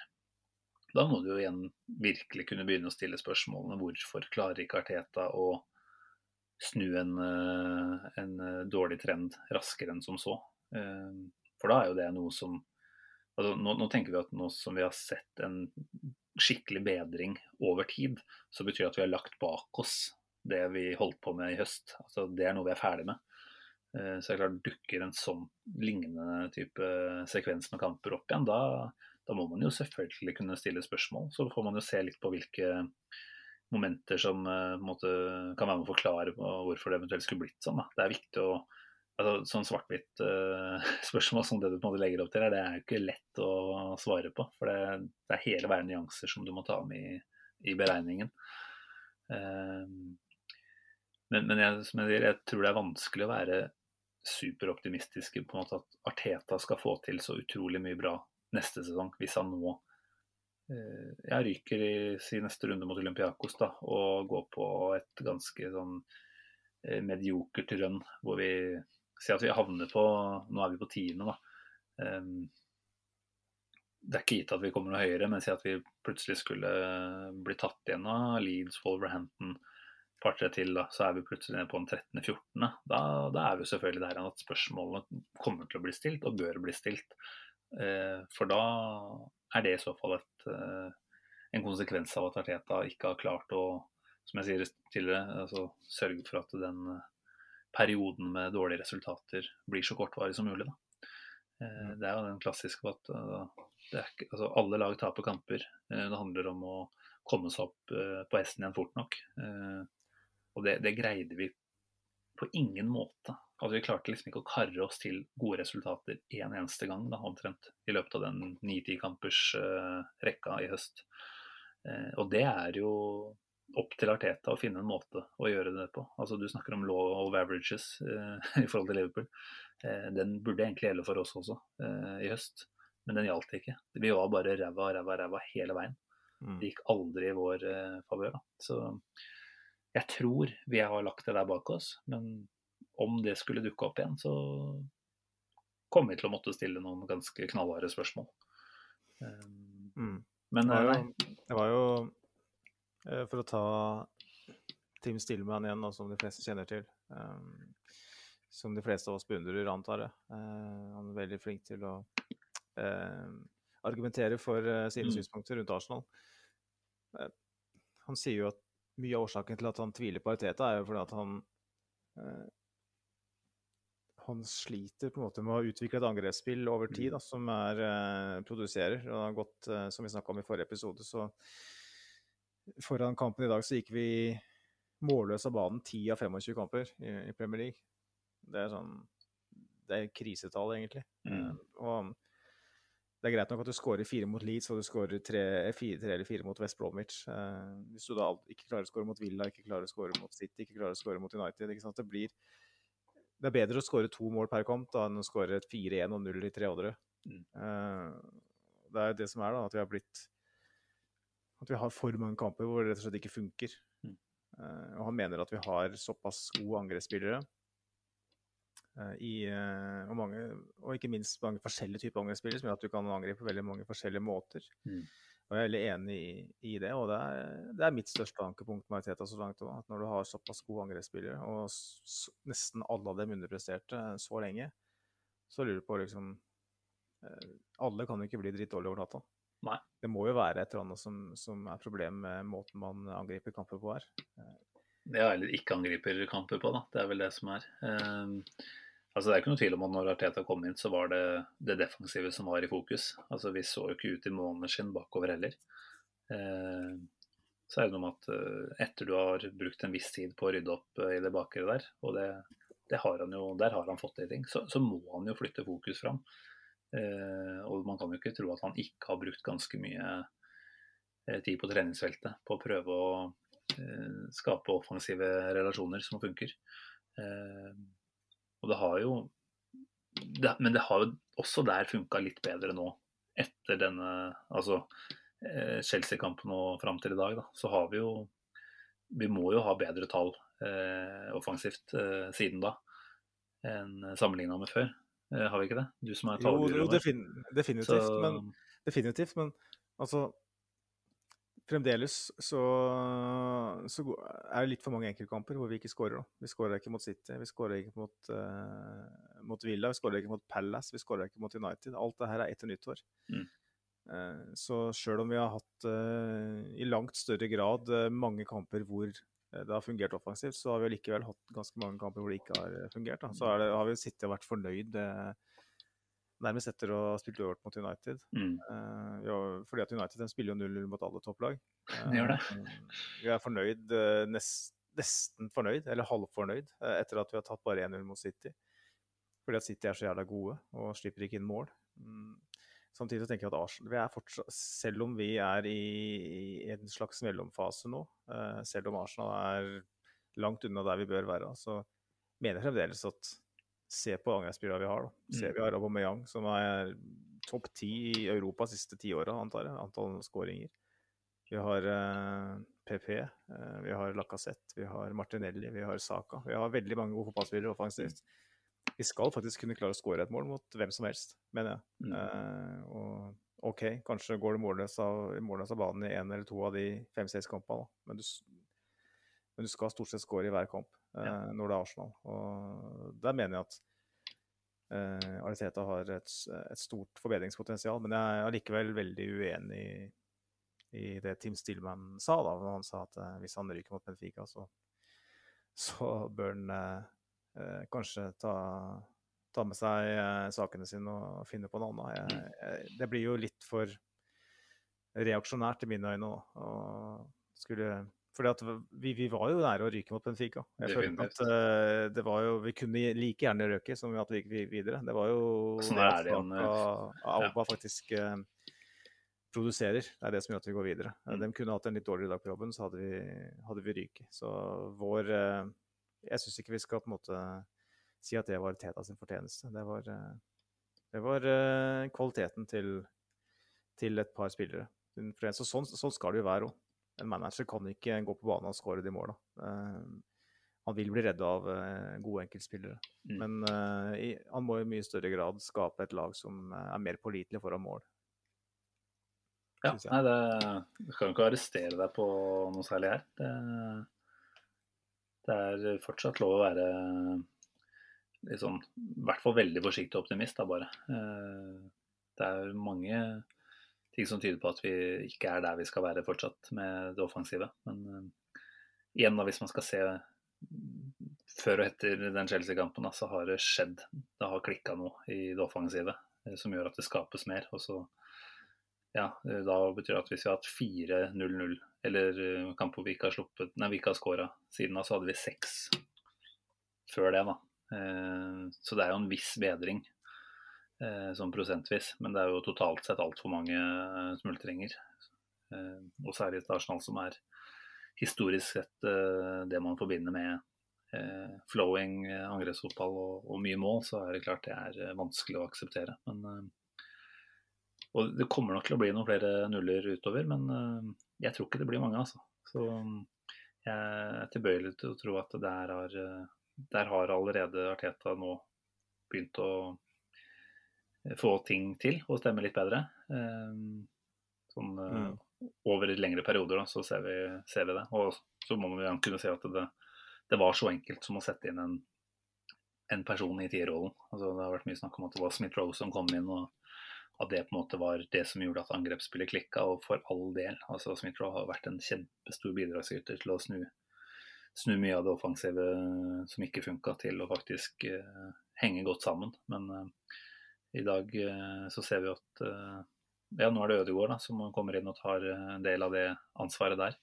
uten at han altså Ødegaard har jo ikke, selv som nordmenn må vi si at han har jo ikke skint veldig etter at han kom inn. Han har gjort mye småfikst og spilt i stor grad på det trygge, og så har han noen ålreite øyeblikk framover hvor han viser seg ordentlig fram. Men nå blir jo dette en litt annen type diskusjon igjen plutselig, men vi må jo i hvert fall si der at Arteta bare ved å rett og slett sørge for at det er et menneske i det tierrommet eh, har eh, gitt laget flere strenger å spille på, da, fordi vi blir ikke så forutsigbare. Så det, det var jo mange som ropte på Øtzil eh, veldig, veldig tidlig denne sesongen her. Og det er godt mulig at bare ved å sette inn også mannen Øtzil, ikke nødvendigvis eh, spilleren, så kunne man eh, fått mer ut av det offensive spillet totalt sett. Da. Men eh, det er jo ikke noe vi trenger å bruke så mye tid på å diskutere videre nå, Magnus. Nei, eh, jeg kan jo bare legge til at apropos bakverk og høner og alt som har blitt diskutert her, så bli med Jeg tenker jo at det er greit med en Pavlova eller en verdens beste nå når, når vi faktisk har motbevist uh, lite grann, ikke vi, men uh, spillere av Arteta har motbevist lite grann nå de siste to kamper egentlig, denne uka her. Um, hvor du trenger to mål mot uh, mot Benfica, når ingen som har sett Arsenal siste tida, tenkte at det var mulig. Jeg må innrømme at da gikk det noen kuler varmt, og det flasa litt fra den korkofrekkeren igjen. Uh, Som gikk, fikk noen, fikk seg noen rundturer. Og igjen i dag, når vi får 1-0 i sekken så tidlig, så all erfaring tilsier at Arsenal da er eh, død og begravet i, i den enkeltkampen, eller i den tie-in altså, mot, Benfica. Og vi klarer begge anledninger å, å snu og, og vinne. Mm. Eh, det er ekstremt nyttig. fordi at det har vært noe litt for knytt i de i kampscenarioene. For det er klart at når de opplever det gang på gang, at de ikke klarer å, å snu kamper når de kommer under, at de gang på gang møter lag som har veldig god kontroll på dem når de jager scoring, så, så vil det etter hvert uh, bli en slags uh, selvoppfyllende negativ profeti. Absolutt. Det, her, det klarer vi ikke. Uh, og nå har vi klart det to ganger på veldig kort tid. og jeg, jeg håper jo at vi kan svinge med kjevla utover, utover våren. sånn sett at vi klarer å, å fortsette med det. Ja, ja. Jeg, jeg, jeg har troa. Jeg har troa på at det, nå er det lysere tider eh, på de fleste fronter. Kanskje med unntak av smittefronten. Der er det vel fortsatt eh, litt sånn berg-og-dal-bane-tilstander i forhold til hva som eh, stenges og åpnes. Men jeg syns, nei, jeg syns vi har grunn til å være optimistiske utover våren òg, med tanke på Arsenal. Altså. Vi har ett lytterspørsmål til som vi må deale med før vi hopper videre til X-spillerspalten, Magnus. Thomas Leirdal stiller et vanskelig spørsmål. Jeg vet ikke om vi skal klare å ta med oss og svare ordentlig på det, men vi kan prøve. Han lurer på hvorfor varierer intensiteten og aggressiviteten så fra kamp til kamp.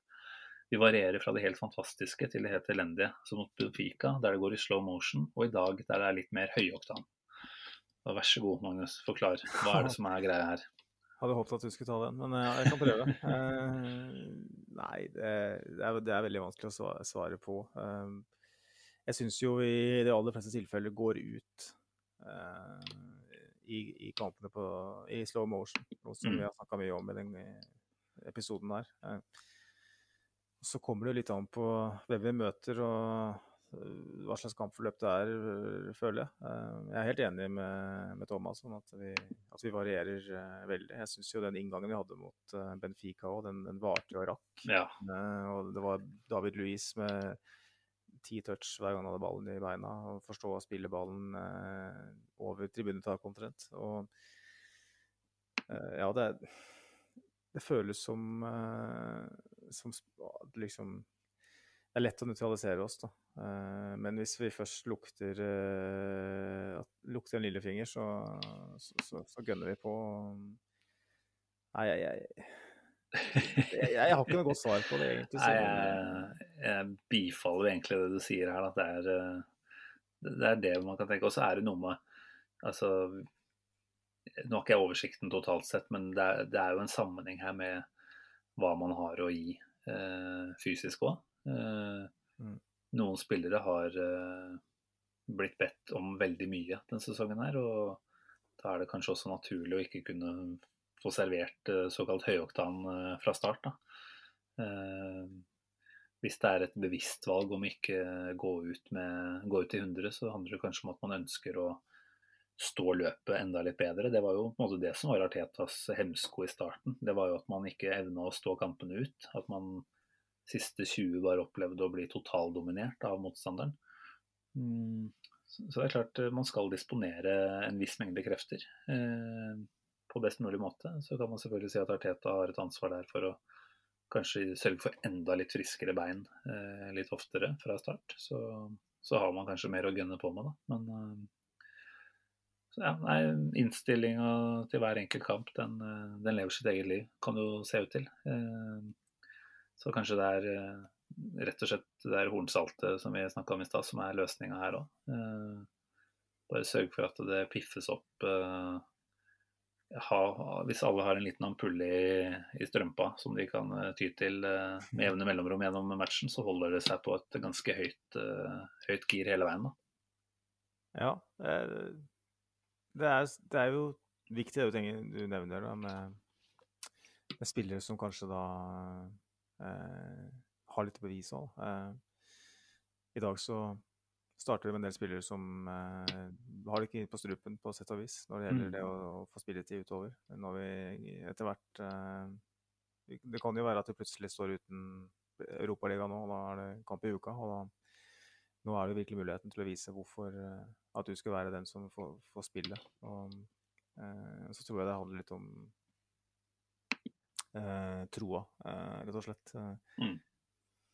mot eh, Leicester i dag, uh, mot Southampton. To kamper vi faktisk kommer under, mot Wolverhampton. Uh, så, så, er det jo det er trøkk, det er kjør fra start. Mm. Mm. Mot Aston Villa så virker det nesten som spillere er usikre. Mm. For en tidlig mot der, akkurat som mot City, så er det jeg vet ikke om det er noe motstanderne Du har Jack Grealish og Riyad Mahrez løpende mot deg. Jeg vet ikke om det, om det liksom rett og slett knytter seg litt. At, at, ja, man, jeg vet ikke. Nei, jeg vet ikke. Altså, man hadde jo sikkert mot Aston Villa da, i bakhodet hvordan det gikk eh, i forrige kamp. Da tapte man jo Var det 0-3, var det ikke det, på hjemmebane? Mm. Eh, og mot City så vet man at altså Det er fælt å si man vet at man er underlegen. da. Det, de setter seg nok i hodet på de fleste da. Eh, og så Da er det for så vidt godt å se da, at uh, mot Wolverhampton, som du sier, hvor vi egentlig fortjener å vinne, og i dag, at vi faktisk tenker at dette er lag vi skal gå ut og kunne være i hvert fall like gode som. Da. Um, det er litt nytt, da. Det er litt nytt, det. Og det føler jeg likevel. Som du sa i stad, det er første gang vi vinner borte mot et lag som ligger i topp fire når kampen eh, sparkes av. Eh, siden 2015. Det var Jamie Vardy som er den mest produktive spilleren mot Arsenal de siste 10-15 åra. Mm, ja. Så det er ikke noe, det er ikke noe selvfølge at, at, Arsenal skal gå ut der og tenke at vi er like gode som Leicester. Som nei, helt klart. Helt, helt sant, det. Så, nei, vi får gi det litt mer enn det ene resultatet i dag, før vi på en måte begynner å konkludere hit eller dit. Men eh, nei, det er et godt spørsmål fra eh, Var det Håkon jeg sa? Beklager, husker jeg ikke helt. Men eh, Det var eh, Thomas Leirdal. Det var Thomas. Beklager. Vi, vi, får prøve å analysere enda mer de neste kampene framover. Hvordan, hvordan ser det her ut? Og så får vi prøve å finne gode svar på hvorfor det blir forskjellig fra gang til gang. Forhåpentligvis så blir det ikke så veldig forskjellig. Nei, eh, Magnus, klokka tikker eh, mot eh, midnatt, eh, faktisk. Eh, fortsatt eh, noe tid fram dit, men vi har vel jobb og slikt til uka, så det er noe med å ha, ha litt overskudd, også for oss. Det er vel så enkelt som at der spillerne skal ha overskudd til å løpe ut på banen, så trenger vi, trenger vi en god natts søvn, vi òg, for å funke dagen etterpå. Så hvis vi skal runde av i rimelig tid, så tror jeg det er på tide å hoppe over på X-spillerspalten din? Ja, jeg kan ta den. Jeg har uh, ligget litt sjuk sjøl. Uh, ikke sjøl, jeg har vært sjuk denne uka her litt, grann, så jeg har hatt litt dårlig tid til å skrive X-spiller, så det ble forfatta i hui og hast. Uh, jeg vet ikke helt hva som er feil, men som vi snakka om før sendingstimen, så jeg har ikke googla symptomer, for det Da kunne du hatt alt, egentlig. Grums i, grums i, halsen betyr jo gjerne hjerneblødning, var det ikke det? jo, det er, internett sier så. Doktor Google han er ganske brutal i sine diagnostikker. diagnostikker ja. Men uh, det har blitt uh, noe, gitt. Jeg tror nå på at du serverer ganske solide varer i dag også, ja, altså selv med noen dager på sykesenga. Så jeg gleder meg. Jeg lener meg tilbake og, og er klar for å nyte. Vær så god. Takk. På midten av 90-tallet var det litt stille før stormen i hva høsting av talentutviklingens frukter angår. Likevel var U21-landslaget en arena for flere framtidige representanter for Free Lions. Da dagens X-spiller fikk sjansen på U21-nivå, trodde nok de fleste at veien var rydda for fremtidige Wembley-herjinger. Utnevnt til kaptein i et lag bestående av andre Lee Bovier og Frank Lampard, ga en solid pekepinn på stjerneskuddets plass i hierarkiet. Utstyrt med en gudbenådet venstrefot begynte den anvendelige midtbanemannen for alvor å yppe seg i løpet av Wengers første dobbeltsesong. 17 ligakamper fikk han æren av å figurere i da den franske revolusjonen bredte seg om på de britiske øyer. Foran seg i køa hadde han artister som Vieira, Petit og Overmars, mens rutinerte herrer som David Platt og Rebby Gard også ville ha et ord med i laget. Veien til klippekort føltes umulig lang, og likevel klarte den unge engelskmannen å gjøre sitt navn bemerka. Med en gullmedalje rundt halsen og ytterligere kull på hypetoget dundra stortalentet ut av startblokkene den påfølgende sesongen. Med spilletid i åtte av de ni første ligakampene trodde mange at tiden var kommet.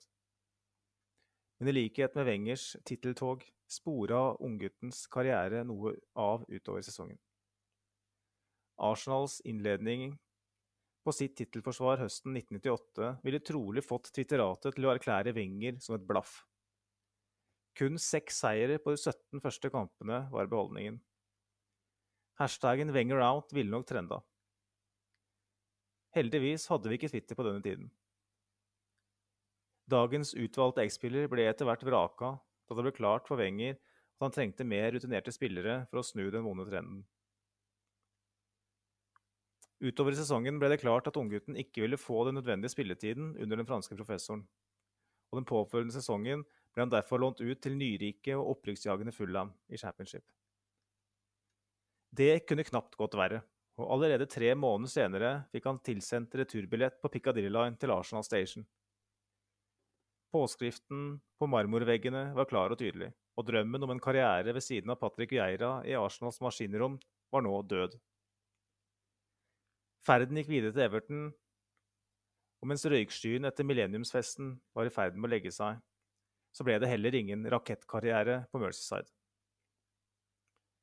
Den tidligere kapteinen på U21-landslaget til England ble etter hvert fast inventar i Championship og League One for skandaleomsuste Coventry City, og i likhet med sine nye fans kunne han kun mimre om, mimre om tider i Premier League en gang på slutten av 90-tallet. Arsenal-produktet og dobbeltvinneren Steven Hughes huskes likevel med glede og det trofaste på Hybrid. Ja, Steven Hughes, ja. Det var eh, Kall det en eh, anonym eh, type som jeg vet ikke, hadde ganske lave forventninger til. Eh, han var vel i eh, Hvor mange kamper var han eh, var innom totalt sett, sa du? Det var ikke Altså, han fikk jo vel Jeg lurer på om han fikk var det lest av 76 kamper for Arsenal totalt. Da. Det er jo brukbart. Men den, det som er litt oppsiktsvekkende, var at han var på banen i 17 ligakamper i dobbeltsesongen 97-98. Ja. Uh, og han var veldig involvert i starten av den påfølgende sesongen. Mm. Eh, Ja, for det er jo en, det er en fyr man har uh, altså Som på en måte var en del av klubben før min eh, tid i forhold til jeg, hvor godt jeg fulgte med. da. Men uh, som man har lest i ettertid, så var jo det en fyr det var stilt eh, så vidt jeg har forstått, i hvert fall ganske høye forventninger til når han dukka opp. Og det som du sier det tyder jo også på det når han fikk 17 matcher eh, i den sesongen der. Eh, eller om det handla om eh, mer skadeutsatte medspillere, kanskje. Ja, altså Han var nok en spiller som altså, kom inn en del kamper hvor vi eh, allerede kanskje eh, Så klart, vi vant jo veldig Det var ikke så veldig komfortabel sesong 97-98. Vi vant vel 1-0 i det, nesten hver eneste kamp hele vårsesongen etter å ha hatt en ganske dårlig høstsesong. Men uh, han, han, han gjorde seg på ingen måte bort. Uh, Skåra vel to mot Chelsea, blant annet. Stemmer. der, For det er jo en sånn video man uh, sta ikke stadig vekk dukker over på YouTube, men det er i hvert fall et klipp som, uh, som har dukka opp uh, flere ganger. da. Så Det er vel det han var mest kjent for. Eh, to mot Chelsea. I det som var en 2-0-seier også, tror jeg. Mm. Eh, jeg husker han jo som kanskje det første sånn stortalentet jeg husker nå, fra da jeg begynte å følge Arsenal. Han fikk jo debuten sin under George Graham allerede. Eh, og var, vært, ja, var vel i Arsenal siden han var 13. Eh, og var kaptein, som sagt, på det engelske U21-landslaget. Mm. Eh, og også en, en spiller som, som det var stilt store forventninger til, men som etter hvert Wenger eh, fasa litt mer og mer ut. og Han lot jo da spillere som eh, Remi Gard og sånn eh, få spillet i stedet. Eh, så det var ganske åpenbart. Og Jill Grimandi som ikke nevnte. Eh, spillere som ganske Mm. åpenbart at de ikke hadde noe mer enn sånn stallspillernivå inne på det tidspunktet. Så um, det kan nok hende at eh, Jeg, ikke, jeg let, lette etter Wenger-sitater om Steven Hughes etter at han forlot Arsenal, men jeg finner ingenting. Nei. Eh, det var artig å visst hva egentlig Wenger tenkte, for det kommer det ikke fram. Men uh, såpass mye som brukte den, så må han iallfall hatt et håp om at han var, var uh, den nye, nye vinen. Da. Men, Ja, Det er klart, det- det- er lett å tenke at den ikke passer helt inn i Wengers nykontinentale fotballsyn. Men som du sier, da spilte han jo såpass mye i en lengre periode der at noe har jo helt klart Wenger også sett i han, da, som han likte godt. Men eh, det mest, inter mest interessante, Simen, eh, i den researchen jeg gjorde nå, Det var jo Og det var litt uh, inspirert av at jeg satt og så på den sesongreviewen fra 98-99-sesongen for, i forrige uke. Ja. Fordelen med å være syk om tid til sånt. Ja, det var før jeg var syk, da. Oh, ja. uh, det er jo en sykdom i seg sjøl å sitte og se på det. Men uh, så, fant, så satt jeg liksom og tenkte fy faen, vi taper jo og spiller uavgjort. Altså, vi tapte ikke så mye, men det var veldig mange poengtap da, eh, fra sesongen. Vi vant jo Community Shield mot United 3-0. ikke sant? Anelka skåra, Vre skåra. Oi, vi bare fortsetter på den der mm. formen fra våren 98. Eh, så vinner vi bare seks av de første 17 kampene i Premier League. Allikevel så er vi med i gullkampen siste serierunde. Mm. det hadde jo ikke skjedd i dag. Så det er jo litt interessant, syns jeg. For vi, vi, tenker jo tilbake på Wenger sine første sju, åtte, ni år som bare parademarsj med mm. suksess. Men uh, allerede uh, høsten 98 så slet Wenger ganske mye. Gikk tre, tre kamper på rad uten å skåre. Mm. Uh, og skåra på overtid hjemme mot Leicester for å unngå fire kamper på rad uten å skåre. Uh, blant annet ikke skåra mot Sheffield Wednesday og sånn. Så det var sånn det var mye som lugga mm. eh, allerede da. Eh, ikke, altså, det hørtes litt feil ut, da, men det viser jo at eh, hadde det vært i dag, med alle de sosiale mediene hvor det blir eh, slengt gratissalver i hytte og gevær, så det er spennende, spennende å tenke liksom, ja. hva, hva, hvordan hadde de klart å respondere på det. Ja, det er et uh, tankeeksperiment uh, man kunne brukt mye tid på. Uh, men jevnt over så må man vel si at verden har blitt mer utålmodig, ettersom Eh, flere og flere meninger får lov til å komme fram, og det skapes mer og mer støy, rett og slett. Så eh, vi får være glad for at eh, han slapp unna den biten der i en periode. Og så er det som du sa, at det er en ja, jevnhet på den tida der som kanskje Altså, du hadde ikke de ekstreme Eh, prestasjonene fra noen lag da, som gjorde at de stakk fra på den samme måten poengmessig. Så du overlevde litt bedre også vel på, på en litt eh, lavere poengscore, gjerne. da. Mm. Så, nei, men det her var en kul uh, spiller å ta for seg. Jeg må jo si at uh, det er en man uh, kan lite om, rett og slett. Og jeg skrev han akkurat inn på Wikipedia. Det er jo ikke en det står veldig mye om der heller, for så vidt. Så et, eh, en litt anonym kar som gjorde sine saker aller best i Coventry. Det er vel der han, han ble vel kaptein nå, leser jeg her. Så mm.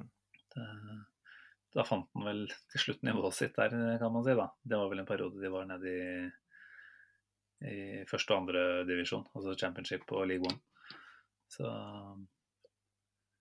hadde vært kult med en engelsk midtbanesjef. Eh, der vi så at en del av eh, klubbene rundt oss eh, hadde, hadde sine store engelske midtbanespillere. Så, så er vel kanskje noe av det vi har mangla litt og savna litt òg eh, siste, siste åra.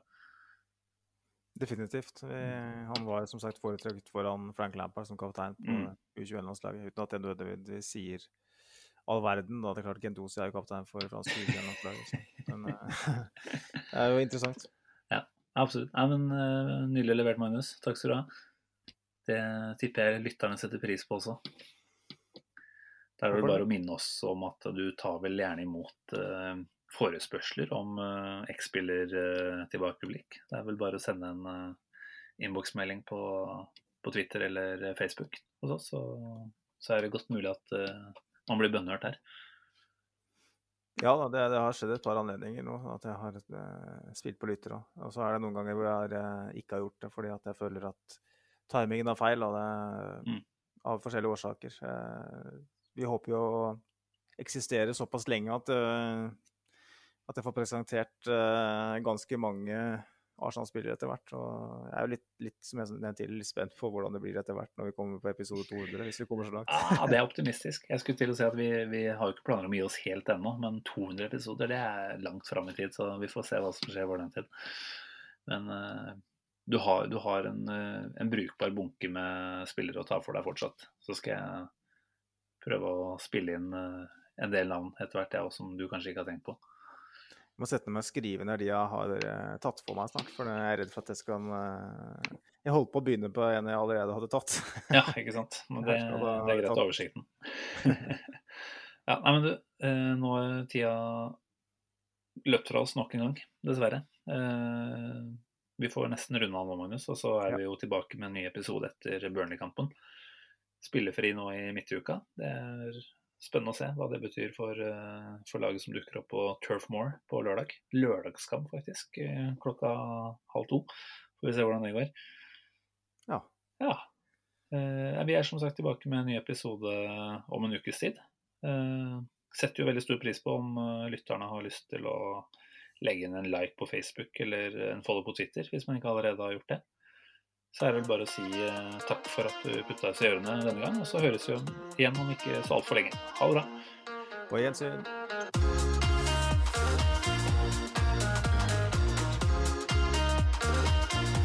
This train terminates here.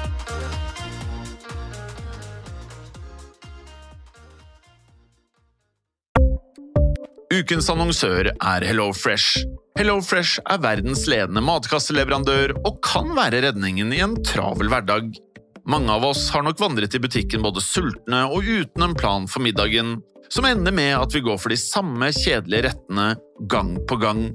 Middag burde være dagens høydepunkt. Som HelloFresh kan du nå velge mellom 25 ulike retter hver eneste uke, eller få HelloFresh til å sette sammen menyen for deg. Dette gir deg muligheten til å prøve nye og spennende retter alene eller sammen med familien. Du velger antall porsjoner og får alt levert på døren på et tidspunkt som passer for deg. Oppskriftene er enkle, og maten er lett å lage både for store og for små. Ved å få alt levert hjem får du også mer tid til å dele matgleden med familie og venner. Kanskje det frister med asiatiske tacos eller greskinspirert kylling? Da kan jeg anbefale deg om å gå inn på hellofresh.no. Her kan du bruke koden FOTBALL og få opptil 1779 kroner i rabatt på de første fem matkastene hvis du ikke har prøvd Hello Fresh tidligere. Du kan også bruke rabatten hvis du har vært kunde og stoppet abonnementet ditt for tolv måneder siden eller lengre. Gå inn på hellofresh.no og bruk koden FOTBALL. Har du et enkeltpersonforetak eller en liten bedrift? Da er du sikkert lei av å høre meg snakke om hvor enkelt det er med kvitteringer og bilag i fiken, så vi eh, gir oss her, vi. Fordi vi liker enkelt. Fiken superenkelt regnskap.